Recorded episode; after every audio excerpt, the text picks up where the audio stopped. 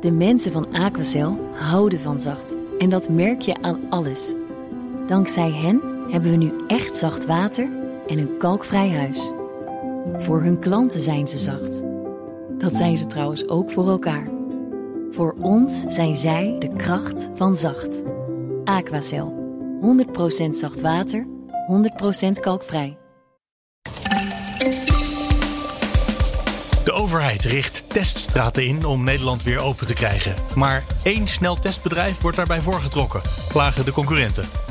In de afgelopen maanden zijn er in ons land meer dan 250 partijen sesamzaad ontdekt met daarin een kankerverwekkend gif.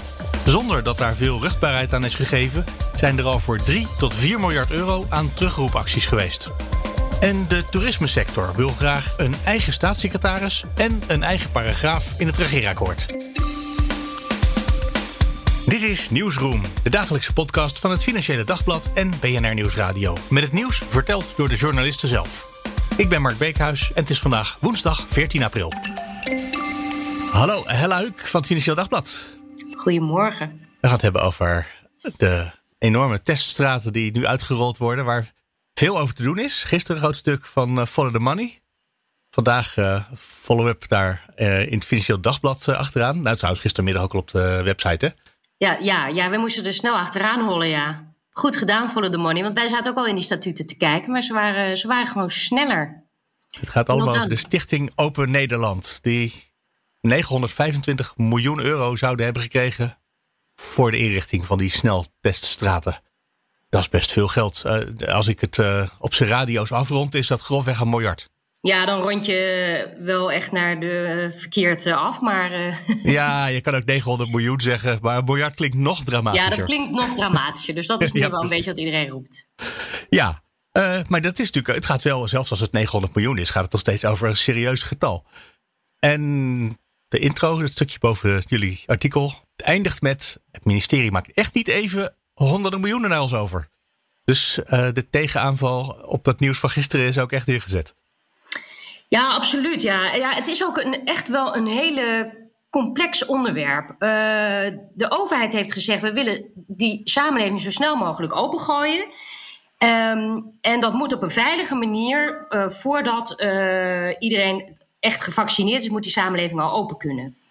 Dus we moeten commerciële teststraten inrichten. Dat moet niet bij de GGD, want daar moeten echt alleen mensen komen met, met klachten. En anders loopt het allemaal door elkaar. En kan jij met klachten, moet jij misschien wel wachten, want iemand wil naar de keuken of dat wil je niet. Dus daar moeten twee gescheiden teststraten van komen. De overheid heeft eigenlijk gezegd dat willen we samen met het bedrijfsleven opzetten. Uh, wij zetten dat ook op. Wij denken dat we over vijf, zes maanden hier vanaf zijn, want dan is iedereen gevaccineerd. Wij denken, uh, uh, pak een beet, gaat 700 miljoen euro kosten. En dan nog per test zijn we denk ik ook nog 125 miljoen kwijt. Uh, zeg ik dat nu helemaal goed? Nou ja, dus in totaal dan 925 miljoen. Um, en we pakken die kosten sowieso in april, want dan gaan we allemaal pilots doen. En daarna hopen we toch ook uh, dat te gaan verrekenen met het bedrijfsleven, want die heeft er uiteindelijk plezier van dat ze open kunnen. Ja, uh, daar zijn die bedrijven trouwens heel erg uh, afhoudend mee. Hè? Die zijn, nou, die, die kosten die willen we helemaal niet hebben. Die strijd die volgt nog. Maar ja. er is ook nu al een uh, strijd morgen in de rechtbank, denk ik. Over wie nou die teststraten mag openen. Ja, want de, de, die andere partijen, bijvoorbeeld ja, spoedtesten.nl is er eentje. Die heeft ook echt als een gek allemaal teststraten uit de grond gestampt die zeggen: ja, hallo, als je nou uh, in april van start gaat met, met, uh, met een bedrijf uit Baarn, die mag ondertussen allemaal al hallen gaan vastleggen. Die heeft al die medewerkers in dienst. Die, weet je, die mag zich al helemaal warm draaien. En dan komen wij nog een keertje aan met een aanbesteding die tot vrijdag loopt. Dus iedereen, iedereen mag inschrijven. Dat is open, dat sluit vrijdag. Alleen, ja, dan heeft eigenlijk het ministerie wel iemand in het zadel geholpen die er nu veel beter voor staat dan wij. Want wij mochten niet ja. even bij want de bij die pilot is er één bedrijf betrokken, hè? Lead Healthcare. Ja, Lead Healthcare uit Baan. Dat is op zich een uh, ja, gerenommeerde partij. Normaal gesproken 30 miljoen omzet. Heeft, hier, heeft ook laten zien dat ze kunnen opschalen. Die kunnen dit in principe.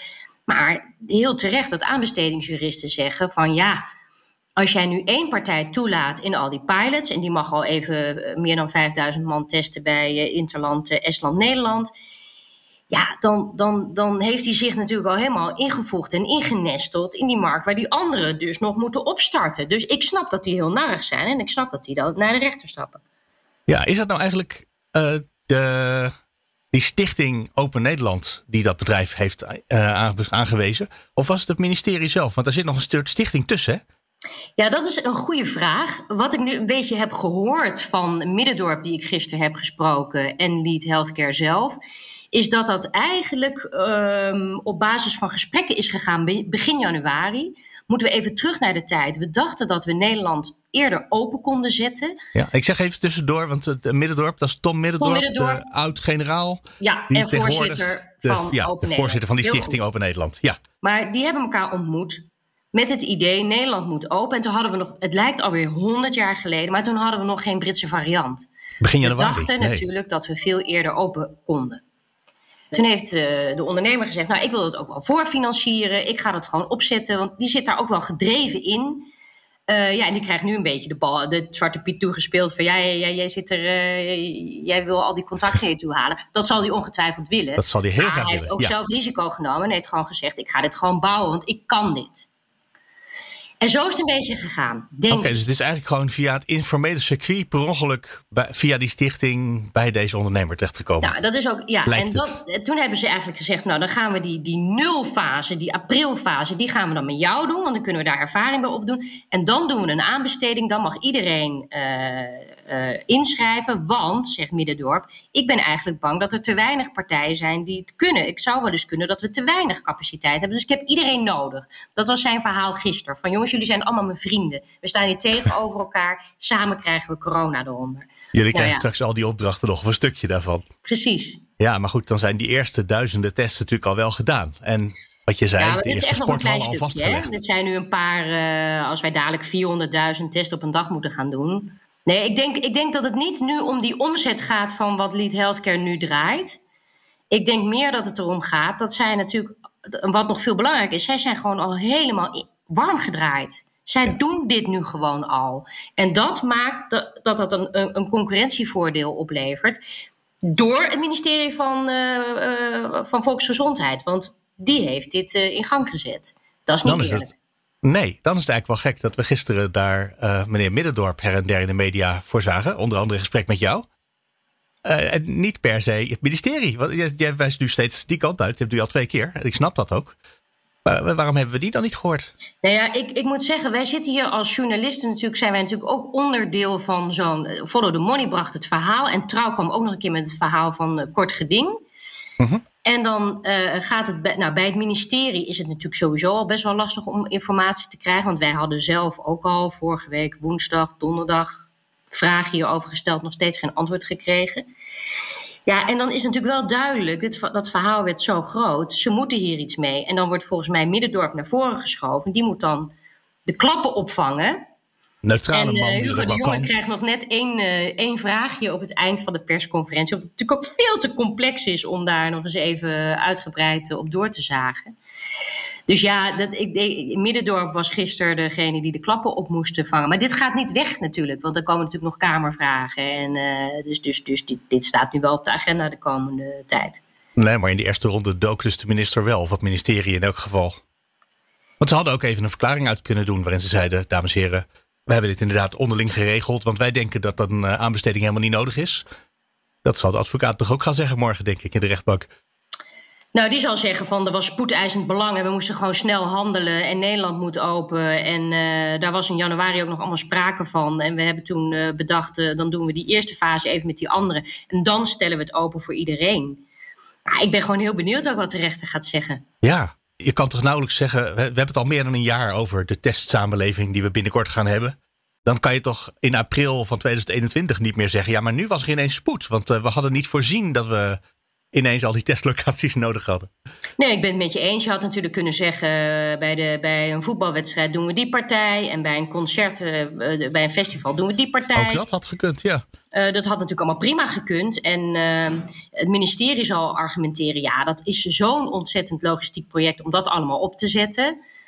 Uh, en dat we hadden een spoedeisend belang, want het moest allemaal heel erg snel. Ja, ik, ik weet niet of de rechter daarin meegaat.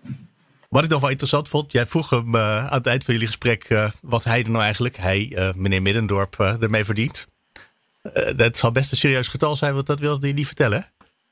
Ja, ik weet het niet. Ik weet het niet. Hij heeft natuurlijk wel verder zijn andere dingen stopgezet. Um, het, het, ja, ik weet het niet. Ik, ik, als ik hem was, zit hij toch wel onder de balken en dan krijg je daar weer allemaal gezeik voor over. Ja. Ja, op een gegeven moment gaat het wel. Het gaat allemaal wel uh, gebopt en opgevraagd en besproken worden. Nou ja, ik denk dat zeg niet je nu. dat hij hier echt in zit voor het geld. Dat vind ik dan ook weer een beetje. Uh, dat, dat, dat slaat ook een beetje door. Ja, maar het is wel iemand die een goed, goed salaris gewend was. Dus dat uh, Zeker. zal het ook niet, zal het ook niet voor niks niet doen. voor niks doen. Ik vind ook niet Nee. dat dat hoeft overigens hoor. Nee. Maar jij zei dat gaat gewopt worden. Dat is misschien nog wel lastig door die stichting die ertussen zit. Nee, Dan gaat is- in één keer een groot getal naar die stichting. En die regelt het daarna met maar er eh, gaat de dus niet bedrijven meteen een groot getal naar die stichting. Er is nu 5 miljoen overgemaakt voor die eh, pilot 0 eh, fase. Ja. Nu zitten we in fase 1. Ja, en dan moeten we kijken of die begroting, of die ook echt uitkomt. Joh, Mhm. misschien is het dadelijk mooi weer, dalen de besmettingen, gaat het vaccineren toch nog meevallen en, en hoeft niemand meer naar een teststraat in juni. Dat kan ook nog, hè? Dus het is wel echt een begroting. Ja, dat snap ik, dat snap ik. En maar toch, doordat er zo'n stichting tussen zit, die het voor het ministerie regelt, wordt de controle door, eh, door journalisten, door eh, Kamerleden wel lastiger. Ja, kijk, die corona-app en zo, dat heeft de overheid toen wel direct gedaan. Ja, die hebben dat zelf ontwikkeld. Eh, dat hebben ze toen, maar dat, dat was logistiek ook wel een tour de force. Dat was nog maar een appje. Ja, En nu, dus ik snap wel ergens dat, dat het ministerie dit niet helemaal zelf kan. Om dit te organiseren. En eigenlijk ook een beetje het idee heeft. Kijk, zij zijn natuurlijk vooral verantwoordelijk voor de GGD.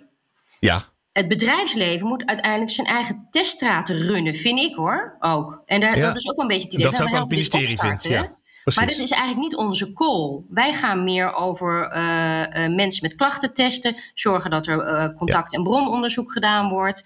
En, en, en dat je naar een festival gaat, is dat überhaupt een overheidsaangelegenheid. Hè? Maar zij willen natuurlijk wel dat als jij daar binnenkomt eh, bij een concert met je appje, dat dat wel degelijk, eh, dat je dat niet eventjes eh, hebt geprint op een of andere site, maar dat het wel degelijk echt een test is, test is geweest. Dus daarmee heeft de overheid gezegd, ja, dat proces willen we wel bij zijn. Dat is logisch. We gaan de komende dagen zien hoe het zich ontwikkelt. Ik ben in ieder geval morgen bij de rechtszaak, dus Heel leuk, dankjewel. graag gedaan. Een, een hamburgerbolletje met sesamzaad bij de McDonald's. Het zit overal in. Ja, dus we gaan allemaal dood. Nee, eh, er zijn nog geen eh, slachtoffers gemeld. Maar ehm, ja, er is wel heel veel sesamzaad in eh, Europa binnengekomen. wat vervuild is met ethyleenoxide. En dat is. Ja, ik wilde schrijven. Mogelijk kankerverwekkend, maar mensen die er verstand van hebben en die het eh, conceptartikel van tevoren hebben gelezen, die zeiden: haal dat mogelijk maar weg. Ethyleenoxide is gewoon kankerverwekkend. Ik ga even zeggen dat jij Vasco van der Boon bent. Dan, eh, dan heb je het netjes aangekondigd aan het begin. Ja, Dan weten mensen naar wie ze luisteren. Eh, en ethyleenoxide, dat wordt gebruikt om sesamzaadjes schoon te maken? Ja, om eh, te, te desinfecteren eigenlijk. Het is, het is een gas, het wordt er doorheen eh, eh, gespoten om te voorkomen dat de beestjes bijvoorbeeld in het sesamzaad zitten of andere dingen die er niet thuis horen. Ehm, en de Europese Unie staat dat niet toe, het gebruik van het kankerverwekkende ethyleenoxide om levensmiddelen of ingrediënten voor levensmiddelen schoon te maken. En daarom eh, eh, was er een probleem. Want honderden ladingen van dat spul zijn eh, inmiddels afgekeurd, hè? Daar komt het op neer. 269 eh, partijen sesamzaad zijn alleen al in Nederland gevonden. Die vergiftigd waren do- door ethyleenoxide of afbraakproducten. Die afbraakproducten zijn net zo kankerverwekkend, min of meer. Maar ze hebben niet eens alle partijen ehm, sesamzaad met gif kunnen onderscheppen. Er is ook heel veel sesamzaad eh, ehm, ongemerkt voordat eh, eh, de autoriteiten het in de gaten hadden, in de voedselketen terechtgekomen. Dus op bolletjes gestrooid of er is broodbeleg van gemaakt. In soep zitten ze. eh, soepstengels, koekjes, snoep, wereldgerechten. Zit overal in. Nou, niet overal. je, je kan wel dingen eten zonder sesamzaad, maar het, het, zit in verrassend veel producten. En die moesten allemaal teruggehaald worden. Um, en dat is uh, ja, zonder erg veel rugbaarheid. Zijn er eigenlijk duizenden producten in Nederland en, uh, teruggehaald. Dus de schade van, van, van, van deze zaak wordt geschat op zo'n 3 tot 4, 4 miljard euro omdat er in de hele Europese Unie uh, is het in de voedselketen terechtgekomen. Uh, waarbij Nederland een hoofdrol speelde. Er, er, komt veel sesamzaad via de Rotterdamse haven binnen. En in Nederland zijn ook veel verwerkingsbedrijven van, van sesamzaad die het overal instoppen. In, in bakkerijproducten en zo. Ik heb eigenlijk nergens uh, gemerkt dat de supermarkt zei: Heeft u nog uh, bolletjes van ons? Die willen we graag terug. Ja, kijk, je hebt twee soorten terugroepacties. Uh, je hebt uh, stille recalls en je hebt uh, recalls met, met veel rugbaarheid. Uh, die laatste recalls uh, met veel rugbaarheid, dan moet je denken aan advertenties bijvoorbeeld die in dagbladen verschijnen van uh, ja. lever nu ogenblikkelijk al je sesambolletjes in, want het, het is hartstikke gevaarlijk. het is de, de meeste terugroepacties van die, van die duizenden producten zijn eigenlijk vrij stil gebeurd. Maar bijvoorbeeld op de website van de Nederlandse Voedsel- en Warenautoriteit, daar staan een hele lijst van producten en tientallen supermarktketens in Nederland die uh, hierdoor getroffen zijn. Dat is alleen al in Nederland. En je hebt dan een de Europese Commissie heeft een, uh, een website met waarschuwingen voor onveilig voedsel. En ja, een, een, kwart van alle waarschuwingen op die Europese site gaat over producten met sesamzaad, waar ja, kankerverwekkende e ethyleenoxide in zit. Of producten met sesamzaad, waar uh, ethyleenoxide in zit. Um, dus ja, er is wel rugbaarheid aangegeven, maar niet uh, dat er um, uh, auto's met geluidsinstallaties door de stad heen hebben gereden en met, met, met, de oproep om al je sesamzaadjes in te leveren. Nee, ik heb ook even, nu je dat zo zegt, de website van de NVWA geopend. Die beginnen heel geruststellend. Lang niet al het sesamzaad is verontreinigd.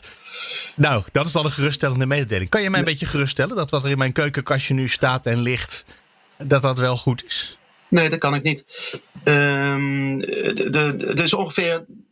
Het zit ongeveer zo dat de, de, de helft van het sesamzaad wat Europa binnenkwam, komt uit uh, India. Even ruwweg. Ja. En de helft van dat Indiase sesamzaad uh, hebben ze uh, dus sporen van het kankerverwekkende ethyleenoxide ingevonden. Als ik, ja, kijk, als ik je gerust zou moeten stellen, als het per se moet, dan kan nou, ik uh, jou en de luisteraars verwijzen naar uh, de normen die in de Verenigde Staten en Canada worden aangelegd voor ethyleenoxide in het eten. Uh, die zijn veel soepeler. En dat is nu wel, vond ik wel grappig om te ontdekken. Dat um, nou ja, de NVWA, de Nederlandse autoriteiten, de toezichthouder, die heeft eigenlijk uh, heel veel partijen uh, sesamzaad uh, ja, geblokkeerd, omdat ze er te veel gif in zit. Ja. en toen hebben ze maanden overlegd met de, de sector, zeg maar de, de sesamzaadjeshandelaren en de sesamzaadjesimporteurs. En um, wat daaruit kwam, was ja, een, wel een, opmerkelijke schadebeperkende uh, vondst. Um, die in beslag genomen partijen sesamzaadjes met gif, die uh, mogen weer de Europese Unie uit en verhandeld worden in de Verenigde Staten en Canada bijvoorbeeld, omdat daar de normen veel lager zijn. Wij gaan er hier aan dood, maar. Het sesamzaad is te giftig voor Europeanen. Maar uh, Amerikanen en Canadezen ja, kunnen het goed eten. Dus als je, als, als je dat geruststelt, uh, hè, dan uh, moet, je maar, je moet je maar, maar houden aan de Noord-Amerikaanse voedselnormen. Dan kan het helemaal geen kwaad. Maar dat is ook raar, dat wij dan zeggen, nou wij vinden het uh, zo gevaarlijk dat je het eigenlijk in beslag moet nemen. Maar als u het aan Amerikanen uh, voert, dan is het prima. De Nederlandse Voedsel- en Warenautoriteit zegt, ja wij zijn er niet om de Amerikaanse wet uh, te handhaven. Wij zijn er om de Nederlandse Europese wet te handhaven. Dus ja, dit, dit is allemaal keurig. Zijn die Nederlandse Europese normen misschien een beetje te streng? Hoor ik dat tussen de regels door? Of? Nee, dat hoor je niet tussen de regels door. Het is wel zo dat nou handelaren in, in, zaden, Europese handelaren in zaden, die zeggen: ja, wat, dit is toch raar. dat het kan natuurlijk niet waar zijn dat uh, Amerikanen beter bestand zouden zijn tegen zo'n mogelijk kankerverwekkend stofje dan Europeanen. Um, ja, het, is, ik vind het inderdaad wel curieus. Um, en er zijn handelaren die uh, ook trouwens altijd uh, op anonieme basis uh, tegen de krant zeiden van ja, die Europese normen zijn veel te streng en het is muggenzifterij en zonde. Het is keurig voedsel en dat moet, zou dan bijna vernietigd zijn geworden. Ehm, en, en, en de Amerikanen zijn toch ook niet gek? Ja, aan de andere kant kan je ook zeggen, ja, de Europese autoriteiten zijn toch ook niet per se gek. En ethyleenoxide in het eten is niet uh, prettig. En het, het, het is ook nog wel het heeft ook wel een vervelend staartje, want um, ze ontdekken nu in Europa dat ethyleenoxide ook bij uh, steeds meer andere ingrediënten en grondstoffen voor uh, het voedsel worden gebruikt. Bijvoorbeeld uh, gember uh, is uh, gevonden waarbij uh, de, de, norm voor ethyleenoxide, de Europese norm voor ethyleenoxide is overschreden. Er wordt de specerijen vinden ze het in. En het blijkt dus dat dit ontsmettingsstofje veel breder gebruikt wordt buiten Europa dan Europa in de gaten had. het probleem verspreidt zich nog een beetje. Vasco van der Boon, dankjewel. Jo, graag gedaan. Jij lijkt me wel iemand die heel goed kan koken. Ja, men, men, nemen, men nemen uh, een stukje rauwe zalm uh, en uh, bestrijkt dat met wat limoensap en je strooit wat sesamzaadjes over. Zet het 10 minuten in de oven en, en, dan maar proeven. Kijken of je de ethyleenoxide eruit haalt. Hallo, Diederik de Groot van BNR. Hallo Mark. Ik zoek nog een minister van Toerisme. Daar komt het eigenlijk op neer. Jij, jij zoekt een minister, maar de toerismebranche zoekt een staatssecretaris. Dus je gaat al verder. Oh, dus de toerismebranche is eigenlijk redelijk bescheiden in hun wensen bij de formatie van de nieuwe regering. Ja, nee, eh, wel vergeleken met jou. Oké, nou ja, dat is altijd goed om te weten. Nee, ik, uh, ik vond het wel een opmerkelijk bericht dat de, de hotels en de, de, de, ja, de, de, hele vrije tijdssector, zou ik maar zeggen, een eigen staatssecretaris uh, hoopt te krijgen in de nieuwe regering. En een paragraaf in het regeerakkoord. Ja, nee, inderdaad. Want eh, dat de wens voor een eigen staatssecretaris voor toerisme is inderdaad onderdeel van een heel pakket. Uh, en dan onderdeel ook van een brief die vandaag naar eh, de, de informateur Herman Schenk Willink is gestuurd. Een brandbrief met allerlei eisen voor de, of nou ja, eisen, dat klinkt zo, maar wensen eigenlijk voor de toerisme sector. Overigens is zo'n brief, dat stuurt bijna elke sector volgens mij.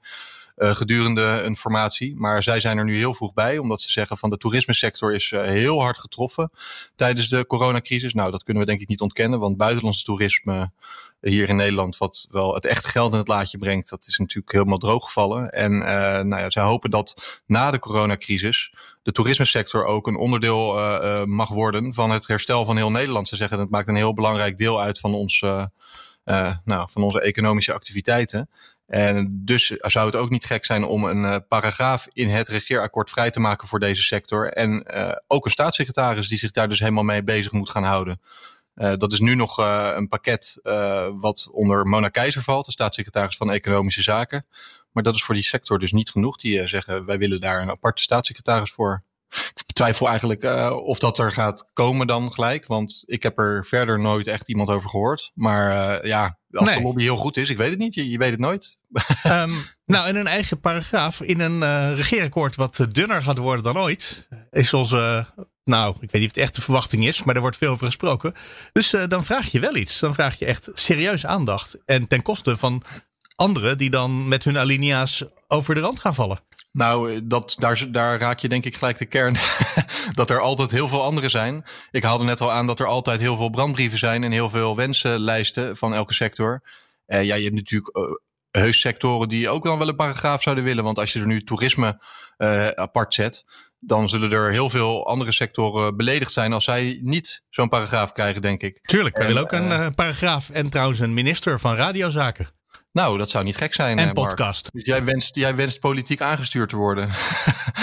Eh, Nee, ik hoop op een enorm subsidiebudget. Dat is iets heel anders. dat zou wel fijn zijn, ja. Ja, nee, flauwekul Nou ja, natuurlijk. Dan, eh, maar, Bij deze hebben wij dan gepleit hier in deze podcast voor een staatssecretaris van, eh, van podcast. en er gaat maar- nu een brandbrief weer uit. Nee, dat is flauwekul. Maar eh, eh, nou ja, dan zijn we dus helaas wel nummer twee, want eh, de toerismesector was eerst. En wij zaten net ook nog even op te zoeken. Het is in principe niet zo heel gek om een bewindspersoon te hebben voor toerisme. Eh, Ja, ik vind het wel heel gek eigenlijk om te zeggen, nou, dit is een klein stukje van de economie.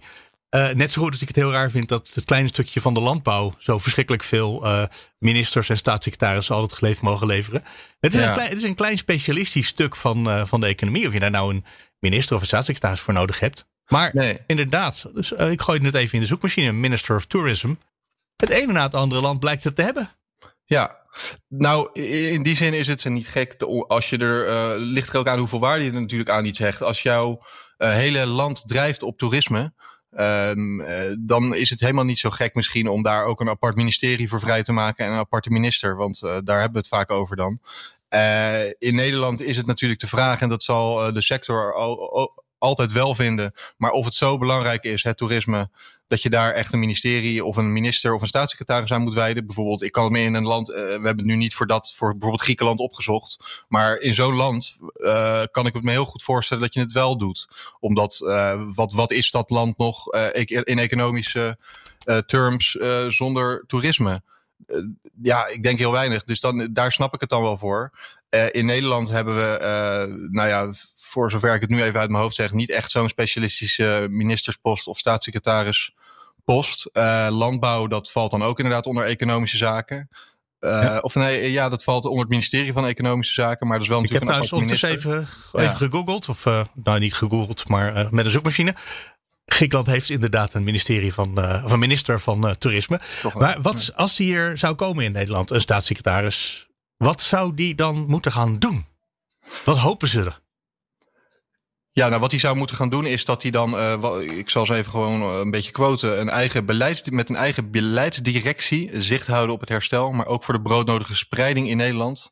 Want, zeggen zij, daar is regie voor nodig en die ontbreekt nu grotendeels. En het toerisme is nu eh, nog onderdeel van de portefeuille van de staatssecretaris van Economische Zaken. Terwijl, zeggen zij ook, vrijwel alle landen hebben een eigen minister van Toerisme. En ik denk dat wij met een staatssecretaris dan ook niet overvragen. Dus ze gaan eh, laag in de boom zitten, zeggen ze eigenlijk.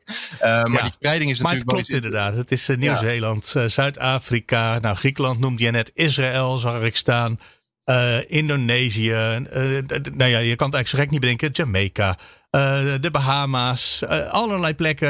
Wij zijn eigenlijk gewoon gek dat we het niet hebben. Dat is Terwijl wij wel redelijk veel toeristen altijd hebben hier. Zeker zoveel dat het een probleem begon te worden. In Nou, de ja. hoofdstad onder andere. ik wilde er inderdaad al over beginnen. Die spreiding die ze zelf ook aanhalen, dat is natuurlijk wel een ding. In Amsterdam zeggen ze eigenlijk, eh, het mag wel een beetje minder. Doe ook maar wat toeristen naar andere steden en naar andere delen van het land. Eh, en terwijl er wa- waarschijnlijk genoeg andere eh, stukjes Nederland zijn waar ze er best nog wat toeristen bij zouden willen en kunnen hebben. Eh, dat zou dus een taak zijn dan voor die staatssecretaris die er moet komen voor toerisme, eh, denkt de sector. Ja, eh, in Amsterdam zelf proberen ze het ook. Hè? Dus om ook bijvoorbeeld wel eens de, toerisme, de toeristen naar Leiden of zo te verwijzen. Eh, dat merk ik overigens hier ook wel, want ik heb het idee. eh, Ik woon Jij woont in Leiden. Ja, je kijkt nu naar buiten. nou, je ziet buiten naar straat een mooie bouwplaats. Ik denk niet dat je Oh. hier vaak toeristen zal, eh, zal zien. Ja, of een heel specifiek soort. Maar ik merk wel de afgelopen jaren, eigenlijk sinds ik hier woon, wel dat het elk jaar met toerisme wel wat drukker wordt. Ja, op afgelopen zomer uitgezonderd dan. Eh, geen idee of dat komt door het eh, spreidingsbeleid, eh, wat dan Amsterdam zelf voert. En natuurlijk doet Leiden er dan ook zelf veel aan om de mensen hier naartoe te krijgen. Maar ja, als je het natuurlijk landelijk zou coördineren, dan. kan dat misschien effectiever zijn? Ja, ik sluit dat niet uit. Maar ja, nogmaals is dat de vraag. kan, zou Mona Keizer dat, dat die heeft nu dus die portefeuille dat ook niet kunnen doen? Ja, ik denk Ja, wel, precies. Of het niet gewoon een eh, gang in het ministerie kan zijn. Of dat niet genoeg is. Ja, ja, nou zijn wij misschien eh, ook eh, te veel eh, outsider om te zien in hoe- in hoeverre het uit zou maken als je er echt iemand voor zou benoemen. Maar komt er dan ook echt meer aandacht voor of heb je gewoon een extra poppetje neergezet? Het zou kunnen zijn als we een vijf of zes of zeven partijen straks in de regeringscoalitie hebben. Dat ze heel veel staatssecretariaten en ministersposten moeten gaan verzinnen om al die partijen maar een plek te geven. Dus dan komt die Dan staatssecretaris. zou van er podcast misschien wel. echt Precies, de staatssecretaris van podcasttaken en radio. Ach, die kan er ook wel bij. We moeten ook niet te hoog inzetten. Nee. nee, nou, als je het zo ziet, inderdaad. eh, ja, dan is eh, het afwachten of die eh, grote coalitie van veel partijen er inderdaad gaat komen. Maar ja, een paar zoethoudertjes eh, in de vorm van staatssecretariaten klinkt dan als een best goed idee. Dus ik neem aan dat Herman Schenk Willing luistert en dit, dit meeneemt als formatiestrategie. Diederik de Groot, dankjewel. Ja, graag gedaan. Dat was hem voor vandaag. De show notes vind je als altijd op bnr.nl slash nieuwsroom. En als je wil reageren, mail dan naar nieuwsroom.fd.nl of nieuwsroom.bnr.nl. Tot morgen. Of als je iets mailt, tot straks.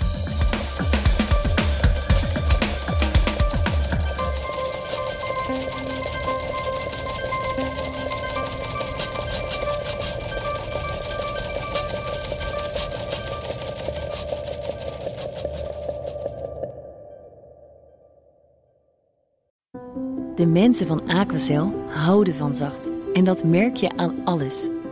Dankzij hen hebben we nu echt zacht water en een kalkvrij huis. Voor hun klanten zijn ze zacht. Dat zijn ze trouwens ook voor elkaar. Voor ons zijn zij de kracht van zacht. Aquacel. 100% zacht water, 100% kalkvrij.